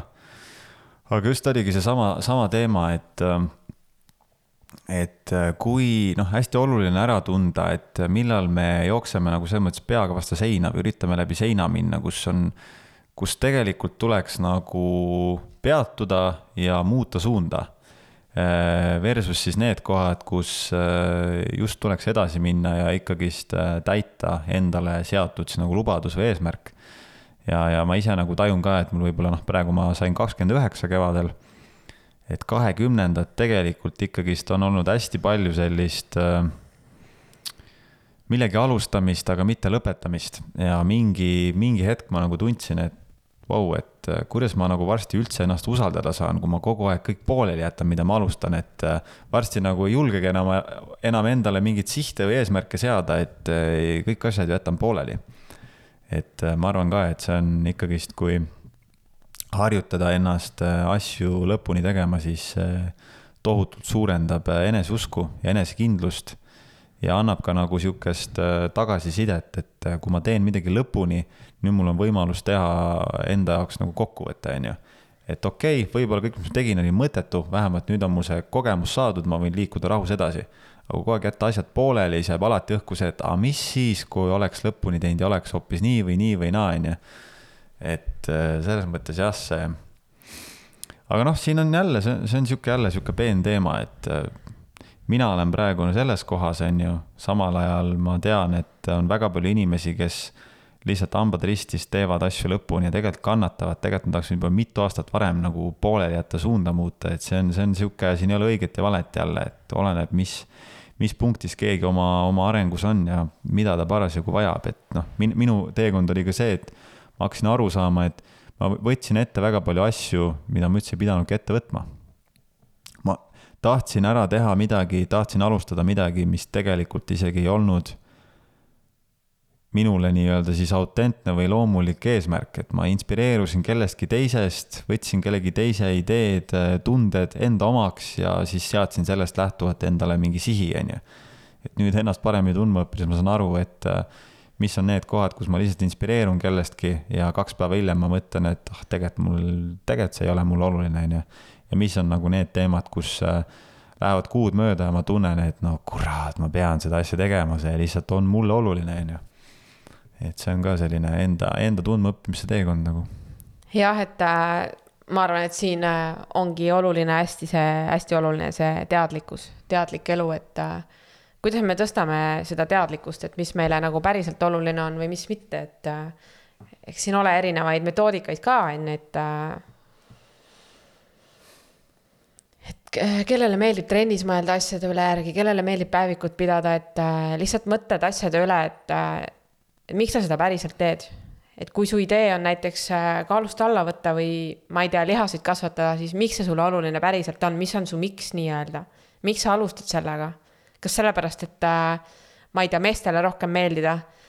või sellepärast, et, äh, et see on sulle endale oluline, et sa tahad tervislikum olla, sa tahad ise tunda ennast oma kehas säravana. ma ei tea, miks sa tahad lihasmassi arendada miks sa tahad võistlustele minna, miks sa tahad bikiini fitnessi võistlustele minna, et miks sul seda nagu vaja on? Okei okay,, kui sa seletad ära, et no sellepärast, et ma tahangi endale tõestada ja ma saan hakkama ja see on nagu aus põhjus, et no. ja ma tahan sealt enesekindlust saada, siis miks, miks, miks mitte, kui see nagu päriselt nii ongi, siis nagu let's do it mhm. aga kui see hakkab kuskilt sealt, et sul on mingid äh, keha, keha imidži teemad, mingid kehaprobleemi teemad, et ja sa arvad, et sa nüüd äh, saad oma oma probleemist lahti, madala, madalast enesehinnangust lahti, minnes siis lava peale näidates, näidates kõigile või ma ei tea, ma ei tea, ma ei tea, mida siis, et aga need, need hirmud ei kao ära ja see ebakindlus ei kao ära, kui sa oled laval ära käinud mm. -hmm. see võib muidugi väiksemaks minna, see võib muutuda ka, et selles mõttes nagu elu ongi hästi põnev, et mõnel ongi niimoodi, et äh, teeb ära mingi, käibki laval ära ja pärast ongi täiesti nagu avastab, et vau, et nagu mis asja nagu ja siis muutubki hästi enesekindlamaks, ma saan, ma saangi ju kõigega hakkama tegelikult. Ja siis ei lase endale enam pähe istuda, ei lase oma aega enam kulutada, julgeb öelda ei, on ju, julgeb oma prioriteedid panna paika. Julgeb äh, omale aja võtta, et iseenda asjade jaoks, et, et mingis mõttes see ongi nagu Martin ennem ütles, et üli-ülikeeruline. Et nagu, et, et kuidas aru saada, et mingis mõttes ongi, võib-olla alustad valel, valedel alustaladel, et äh, tahad, tahab mingit asja ära teha, aga pärast tuleb, koorub sellest hoopis midagi muud välja, et mm. -hmm. et oledki enesekindlam inimene ja kuigi see asi võib-olla, mille läbi sa seda tegid, ei olnudki otseselt see asi, aga, aga, aga sa selle tulemuse said kätte, et sa said aru, et sa said hakkama sellega. ja siis lähed lihtsalt nagu edasi ja tulevikus tagasi vaadates, et noh, et mm. -hmm. et sai ju tehtud, aga noh. aga jah, kui, kui nagu rääkida sellest trennist ja treeningust ja, ja tervisest, siis mingis mõttes nagu see, see ongi huvitav teema, et äh, ma mäletan, me sinuga arutasime ka, kui me seda saate mingeid teemasid nagu mõtlesime, et, et äh, tihti seda treeningut äh, või üldse oma füüsilise tervise eest hoolitsemist käsitletakse nagu mingit hobi, et aa, mõne inimese hobi on teha trenni, teise inimese hobi on näiteks muusika ja, ja noh, mõnele inimesele see trenni tegemine üldse ei sobigi. aga siin on minu meelest tulebki nagu see erinevus sisse, et me kõik elame füüsilises kehas meie kõigi elukvaliteet sõltub sellest, kui hästi me ennast selles kehas tunneme. Ja selles mõttes on see nagu ikkagist niivõrd universaalne, et ähm, noh, kui sa ei tunne end oma kehas hästi, siis su elukvaliteet lihtsalt ei ole seesama, mis teisel inimesel, kes tunneb end oma kehas väga hästi. see lihtsalt on niimoodi, on ju. ja, ja selles mõttes jah, et ma arvan, et ikkagist see puudutab kõiki et ei ole niimoodi, et aa, mul ei ole hobi, on ju, et ma ei, ma ei tea, see ei ole minu teema, ma ei, ma ei tegele sellega, noh, on küll, sul on keha see on sinu teema. lihtsalt küsimus on, et kuidas sellele läheneda. et see, sa ei pea sellele lähenema sama fanaatiliselt võib-olla nagu, nagu meie, on ju, treeneritena. et sellele võib läheneda ka hoopis teise nurga alt, on ju. aga, aga see on vajalik ja, ja, ja jah, selle nagu prioritiseerimine ka, et äh, ma siin kirjas see hea analoogia, et see on nagu vankri, vankri hobuse ette rakendamine versus äh, hobuse vankri ette rakendamine, on ju, et kui, kui, kui, kui oma tervist ei prioritiseeri ja tervis äh, hakkab nagu kehvemaks muutuma, kannatama, siis tegelikult sellest kannatab ka kõik muu, suhted, töö kvaliteet, õnnetunne ma ei tea, seksuaalelu, noh, kõik, eks ju. ja, ja sealt siis ka kõik muu käib allamäge. et, et kui mõelda, et ma hakkan oma tervisest hoolitsema siis, kui mul on need tööasjad korras, noh, see on nagu sa paned äh, vankri hobuse ette, on ju. et tegelikult ju mida paremas korras on tervis, mida puhanum, vitaalsem, elujõulisem sa oled, on ju, seda, seda lihtsam on äh, on, on, on teiste inimestega häid suhteid luua, seda lihtsam on teha tööasju, seda lennukamad on ideed, seda, seda, seda suurem on ka see potentsiaal teenida raha selleks, et siis veel enam oma tervise eest hoolitseda, on ju. et jah, nagu hästi-hästi perspektiivi küsimus mm. -hmm. ma ka ise leian, et äh, trenn ei ole selles mõttes nagu hobi, et äh, trenn on selline asi, mida peaks iga inimene tegema, samamoodi nagu me peaksime kõik magama. et noh, et äh, noorena on ju hea lihtne, et äh, kasvuhormooni produktsioon on laes, keha areneb, keha on tugev, lihased on tugevad, muutuvad kogu aeg tugevamaks, jooksed ringi kogu aeg. aga meie keha jääb vanemaks, nagu meie jääme vanemaks, et et parat-, paratamatult see toimub meie kõigiga ja kui me tahame oma keha nooremana hoida, kui me tahame tervena vananeda, siis nagu noh, füüsiline aktiivsuse trend lihtsalt on nagu sihuke asi, mis on, mis on üliülivajalik selle jaoks. et äh, kui vaadatagi kasvõi statistikat, siis äh, tänu meditsiini arenemisele inimeste vanus, inimeste iga on pikenenud, aga tervena elatud eluaastad on jälle oluliselt äh, noh, langenud, on ju, et äh, inimesed elavad küll kauem, aga aga see elukvaliteet ei ole enam see, et ravimite peal hoitakse ikkagi oma keha liikumas ja selles mõttes äh, süda tuksumas ja kopsud hingamas, aga, aga mis kvaliteet see on, kui sa ei saa oma elu nautida? see jääb peale. see jääb peale oota pärast saab, kuule, pane pausile, pärast teeme. ei, ei juba, juba tegin, võib jätkata jah, et äh, selles mõttes ta nagu minu jaoks ka ei lähe hobi kategooria alla, et äh, üks mängib malet, teine mängib äh, kabet, kolmas mängib klaverit, nelja, neljas käib tikkimas ja viies teeb trenni jaa, täpselt. et see on nagu sihuke elementaarne ja. osa jah, et iseenda esiteks väärtustamise, väärtustamise osas ja selles mõttes ka, et nagu reaalselt objektiivselt äh, trenn lihtsalt hoiab meid tervena, noorena ja nii edasi, et seal on mm, -hmm. me võime rääkida siin bioloogilisel tasandil ka kõiki seda kasvuhormooni juttu ja kõigi seda ainevahetuse juttu ja kõike seda, ma ei tea, krooniliste haiguste juttu ja nii edasi ja, ja ka aju mõttes, mis kõike nagu kasutegurid treening meile omab, et äh, ka aju funktsioneerimise mõttes, aga noh, see on mm -hmm. nagu see on tegelikult nagu selline teema, millest on nii-nii palju räägitud, et ma arvan, et kõik tegelikult teavad seda, lihtsalt nagu hea on öelda, et äh, et aa, et äh, trenn ei ole mu hobi, sorry.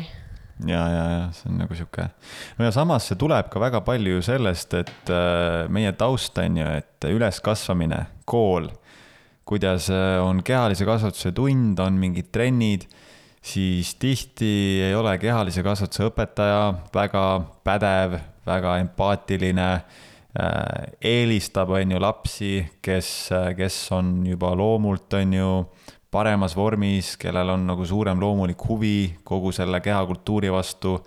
ja samal ajal siis nagu heidetakse kõrvale või isegi noh, ma olen ju näinud väga palju ka seda, et lihtsalt õpetajad mõnitavad lapsi, kes, kellel võib-olla ei kuku nii loomulikult välja või kellel on see ülekaal veidi suurem või.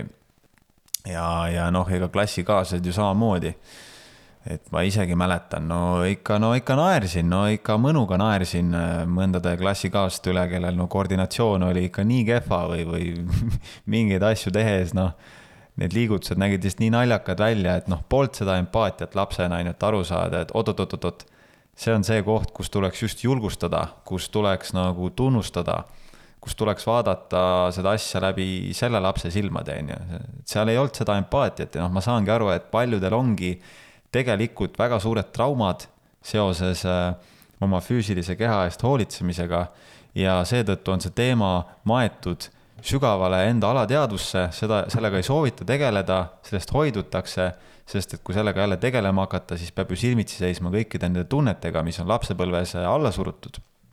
ja ma saan aru, et seetõttu ongi paljudel väga raske nagu seda teemat üldse ette võtta aga see on vajalik, sest et üks hetk sa oled viiekümne aastane ja ja, ja siis oled kuuekümne aastane ja noh, mina, mina olen nagu mõelnud, et mina tahan kaheksakümne aastaselt ka olla vitaalne, heas vormis, elujõuline, eh, mitte, mitte nagu käia karguga ringi ja valmistuda suremiseks, on ju, et ja noh, see on kõik meie, meie enda teha, see on nii tugevalt seotud elustiiliga, on ju, ja, ja mõtteviisiga jah, et ma mõtlen, et ma ütlen siia vahepõikena siiski ära, et ennem läksime sellest teemast üle, aga noh, tegelikult me ei saa ju seda ka elementaarsena võtta, et äh, nagu kõik inimesed teavad, mis see baasharjutus on, on ju, et mis kasutegureid see jõutreening siis ikkagi meile nagu omab, et äh, et miks seda üldse tegema siis peaks, et miks see ei saa olla meil nagu hobi lihtsalt, et miks see peaks olema meie päeva nagu plaanis ikkagi sees iganädalaselt, mingitel kordadel vähemalt. et äh, ma siis alustan sellega, et äh, et meie luud ja lihased jäävad äh, nõrgemaks. lihtsalt äh, me jääme vanemaks ja meie luutihedus hakkab muutuma väiksemaks ja meie lihased hakkavad, lihasmass hakkab kaduma. ja jõutreening on selles mõttes nagu parim viis oma luutihenduse tugevdamiseks.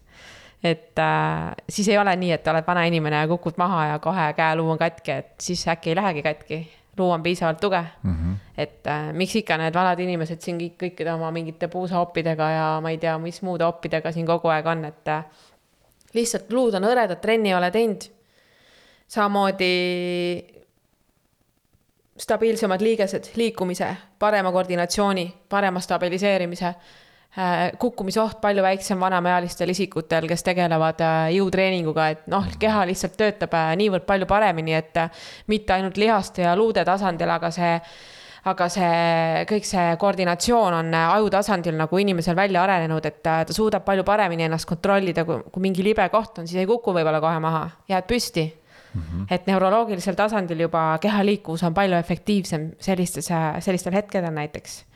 jaa noh, samamoodi see kehakoostis, millest me ennem rääkisime, et äh, parem kehakoostis, et äh, rasvaprotsent on väiksem, lihasprotsent on äh, suurem, tänu millele ülekaaluoht on väiksem, tänu millele väga paljud metaboolsed ja kroonilised haigused, noh, metaboolne sündroom, kroonilised haigused, potentsiaal neid saada palju väiksem, et väga paljud inimesed siiski surevad kroonilise haiguse tagajärjel, mitte vanadusse et öeldakse küll, et aa, suri vanadusse ära, tegelikult oli mingi kuuskümmend viis on ju ja nagu noh, see on kroonilisse haigusse suremine, kui sul ongi päriselt mingi südame-vereringkonna tõbi tekkinud rasvumisest, ülekaalulisusest, ma ei tea, süda on nõrgemaks jäänud.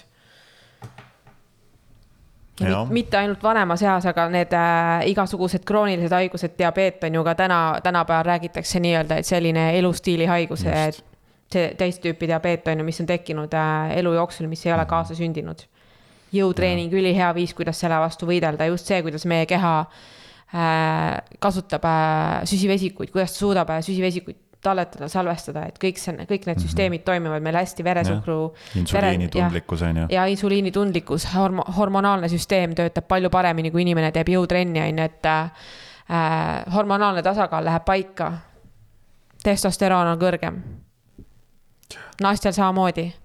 Fun fact, naistele samamoodi, naistel on samamoodi testosteroon, et äh, nagu meestelgi ja tegelikult naistel on ka testosteroon väga kasulik, et see on seotud meie hea tervisega, kui meil on hormonaalne tasakaal paigas just, et ka naistel on seda vaja, et äh, keha oleks tugev, et äh, välimus oleks korras, et äh, juuksed ja nahk oleks korras, on ju, jõudu oleks. et, et samamoodi nagu need luud ja liigesed, siis kõik see hormonaalne tasakaal ka. Ja kui rääkida siis nagu sellest äh, vaimsest äh, tervisest, siis äh, üli, ülihea viis, kuidas stressi ja ärevuse ja depressiooniga võidelda, et sul on raskem aeg elus. mine trenni, nagu see lihtsalt teeb niivõrd palju paremaks, et et mul siin oligi üks äh, sõber kirjutas või noh, üks, üks inimene mu sõbralistis Facebookis kirjutas äh,, kirjutas avaliku postituse oma depressiooni teekonnast ja et äh, seal oli nagu tal mingi keerulisem koht, kus ta oli jälle nagu tagasi langenud. et depressiooni. aga ta on muusik, teeb muusikat. ja siis ma kirjutasin talle sinna kommentaari noh, ei ole üliammu suhelnud temaga nagu aastaid lihtsalt ei ole suhelnud ja siis mõtlesin, et lihtsalt nagu panen talle kommentaari, et soovitan tal trenni hakata tegema, et nagu heast südamest vaata, et päriselt ka, et proovi ära, et mine jõusa-, mine jõusaali või tee mingit muud trenni, mine jooksma või ma ei tea, mine sõbraga trenni või võta omale personaaltreener, pane eesmärgid paika ja sul läheb enesetunne väga palju paremaks ja siis ta kirjutas selle vastu, et nagu kirjutaski vastu niimoodi, et äh, tal on muusika selleks, et oma tundeid välja elada ja enda emotsionaalse tervisega nii-öelda tegeleda ja siis noh, ma kirjutasin ka sinna, et et äh, muusika on ka selles mõttes nagu ülihea viis, ma arvan.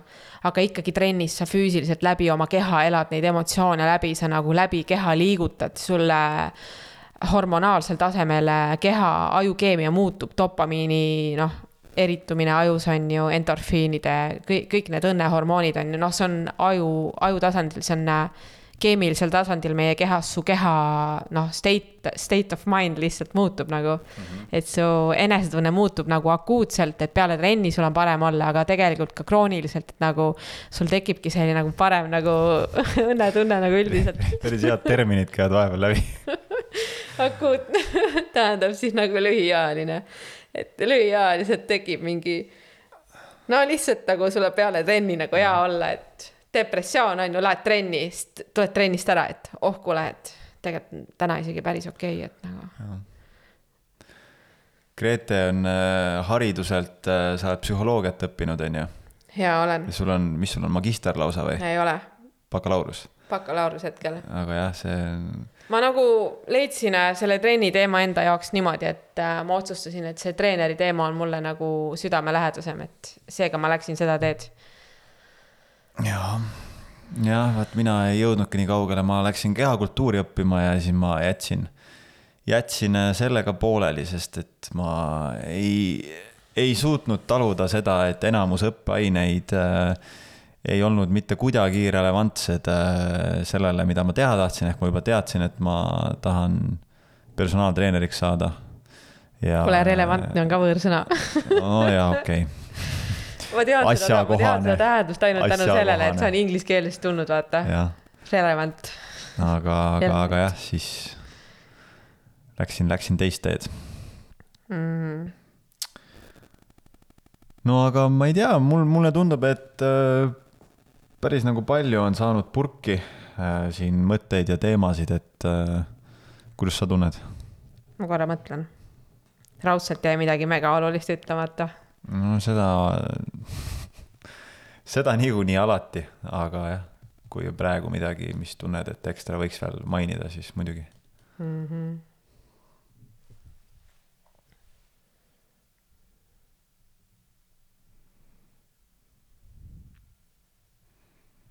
Hea vaikus.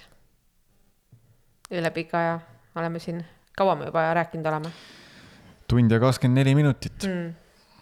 päris hästi on läinud, suht järjest.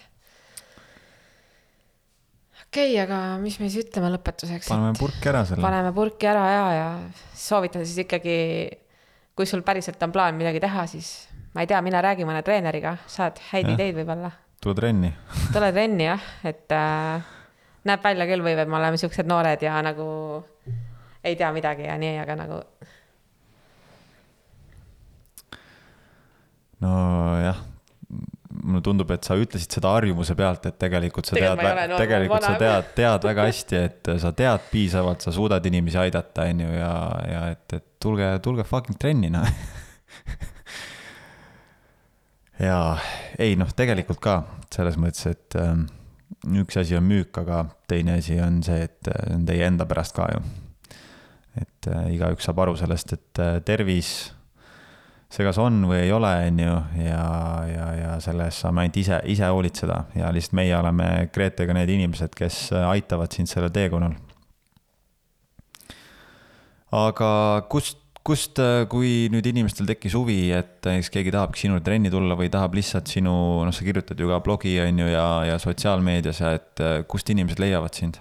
jah, et äh, blogi ja sotsiaalmeediat ma reaalselt ei ole mingi varsti juba poole aasta jooksul jõudnud teha, sest mul on nagu nii-nii palju tööd, et ma lähen iga päev kas mingi seitse või kaheksa tööle ja ma jõuan õhtul äh, kuue, seitsme, kaheksa, mõnikord üheksa ajal koju, et okei okay,, vahepeal päeva jooksul on mingi üks, üks-kaks sellist äh, tundi vahepeal pausi, kus ma teen oma trenni, mõnikord söön, mõnikord sõidan ühest klubist teise, aga tööd on ikkagi niivõrd palju, et ma lihtsalt ei ole jõudnud peale tööd enam arvutit lahti võtta, et siis on juba uneaeg, kui tahad järgmine päev kell kuus üles tõsta.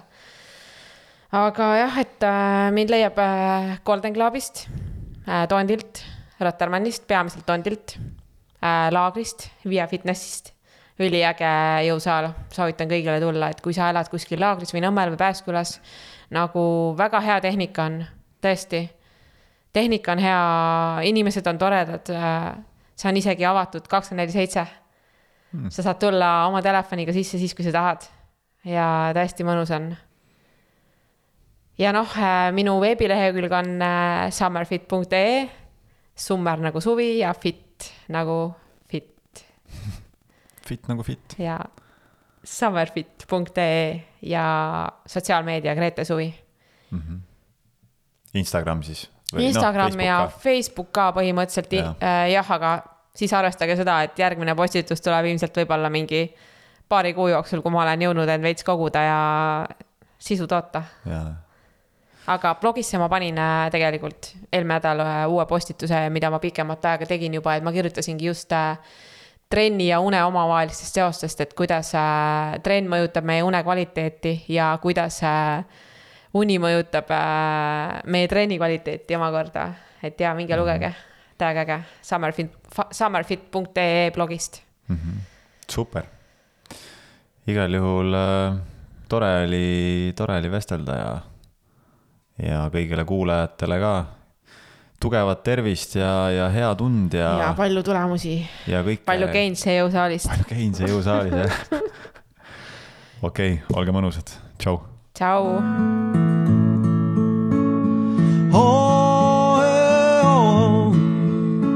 jah, laulda ja naerda ja tantsida igaüks tohib.